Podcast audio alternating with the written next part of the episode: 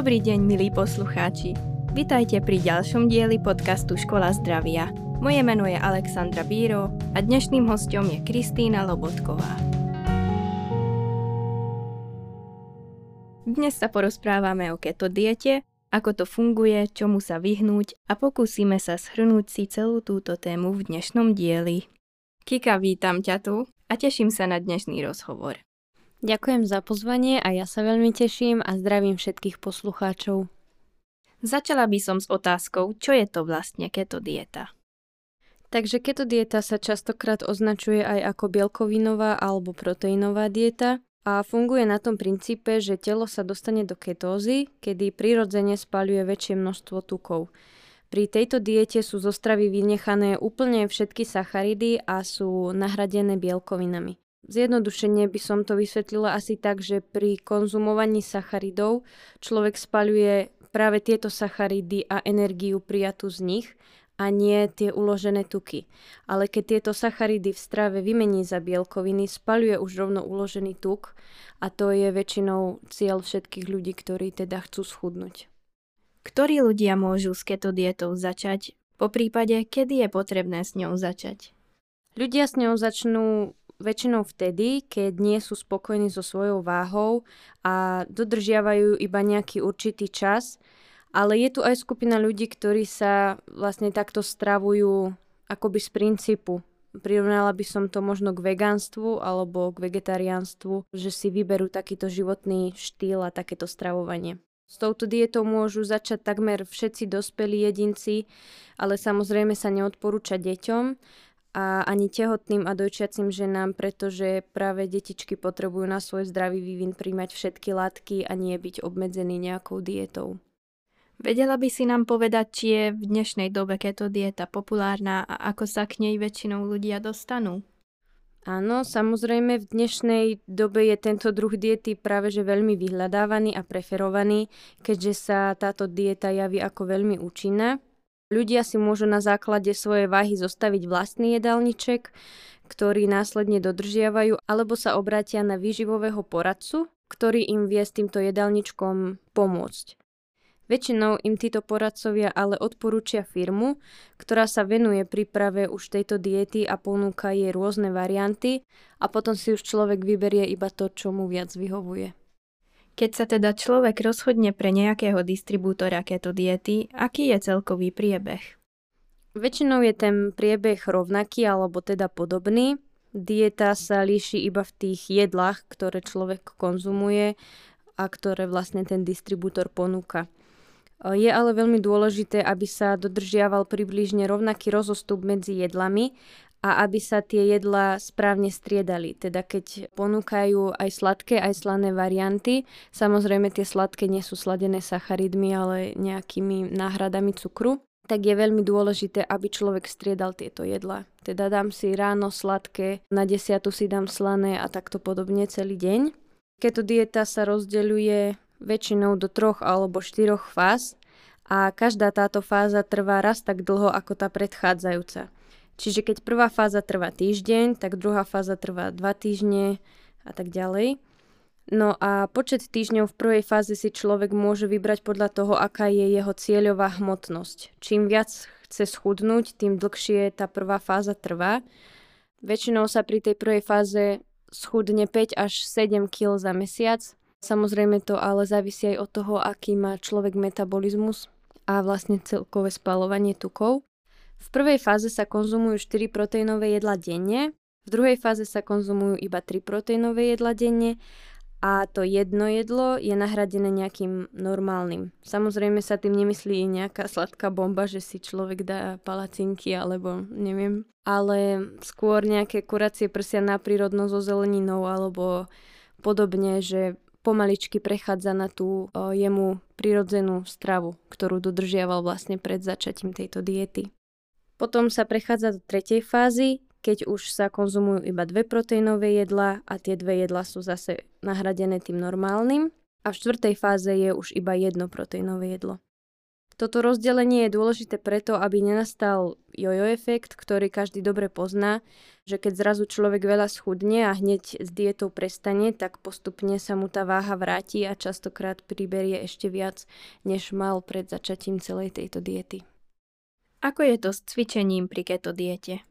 V prvej fáze sa vôbec neodporúča cvičiť, pretože je to taký náhly skok človek zrazu začne sa stravovať úplne inak, než ako bol zvyknutý. Je to taký šok pre telo, takže sa neodporúča ešte viac sa zaťažovať cvičením.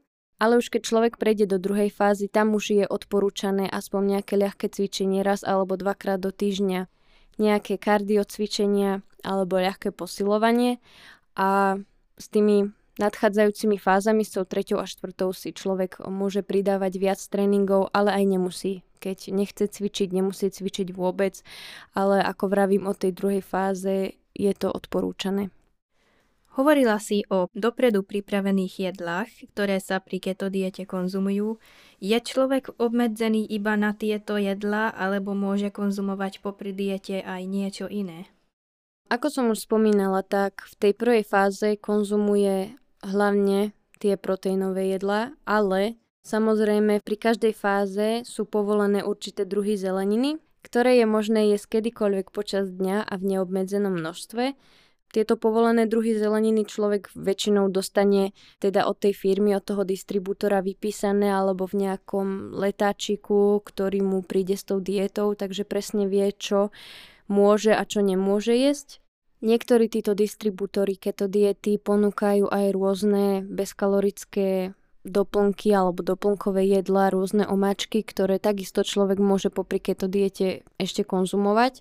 Čo sa týka tej zeleniny, tak tá sa konzumuje surová vo forme nejakých šalátov, väčšinou sa dochutí lyžicou nejakého kvalitného oleja, ktorý je veľmi potrebný pri tejto diete, alebo si tú zeleninu iba uvaria alebo podusia.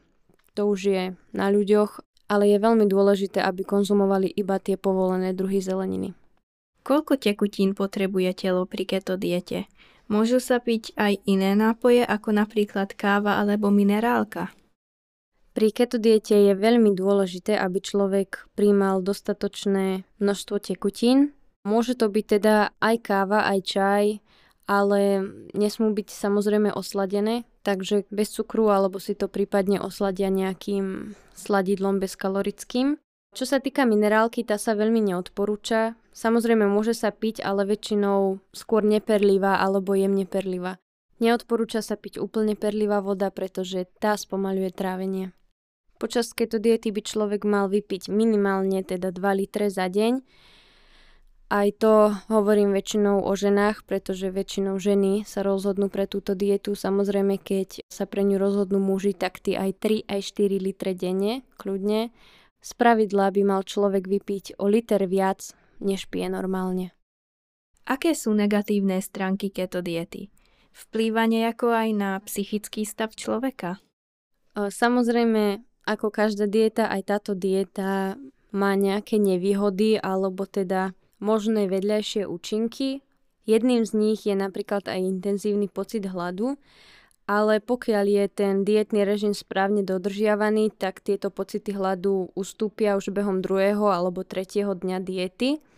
No pokiaľ sa u človeka ten hlad stále prejavuje, môže zjesť ľubovoľné množstvo tej povolenej zeleniny, ktorá vlastne človeka zasytí a keď ju ešte aj zapije veľkým množstvom vody, tak tento hlad by teda mal postupne ustúpiť. Ale sú aj prípady, kedy ľudia nepociťujú vôbec hlad, ale vtedy je veľmi dôležité, aby nevynechávali žiadne z tých proteínových jedál, aby organizmus fungoval správne. Môžu sa prejaviť aj bolesti hlavy, ale tie väčšinou patria k tým vzácnejším prejavom a ustupujú už v priebehu prvých dvoch dní. Pokiaľ by teda tieto bolesti neustupovali, tak človek môže siahnuť po nejakých analgetikách alebo sa po prípade poradiť s tým distribútorom tejto keto diety. Ďalším negatívom, ktoré je dosť časté, je zápach z úst, ale ten je spôsobený prirodzenou tvorbou acetónu v organizme počas priebehu tej proteínovej diety a práve prítomnosť acetónu v dychu je známkou toho, že ten dietný režim je správne dodržiavaný. Ale keď to človeku veľmi prekáža, tak môže použiť nejakú ústnú vodu alebo mentolové cukriky, samozrejme bez cukru. Pokiaľ by sa prejavili nejaké ďalšie negatívne účinky, tak určite by mal kontaktovať toho distribútora alebo sa poradiť s tým výživovým poradcom. Čo sa týka toho psychického stavu, tak práve, že e, ľudia, ktorí dodržiavali túto keto dietu, tak vravili, že sa cítia veľmi príjemne, že sú šťastní, takže nejaké negatívne vplyvy na psychiku zatiaľ nie sú známe.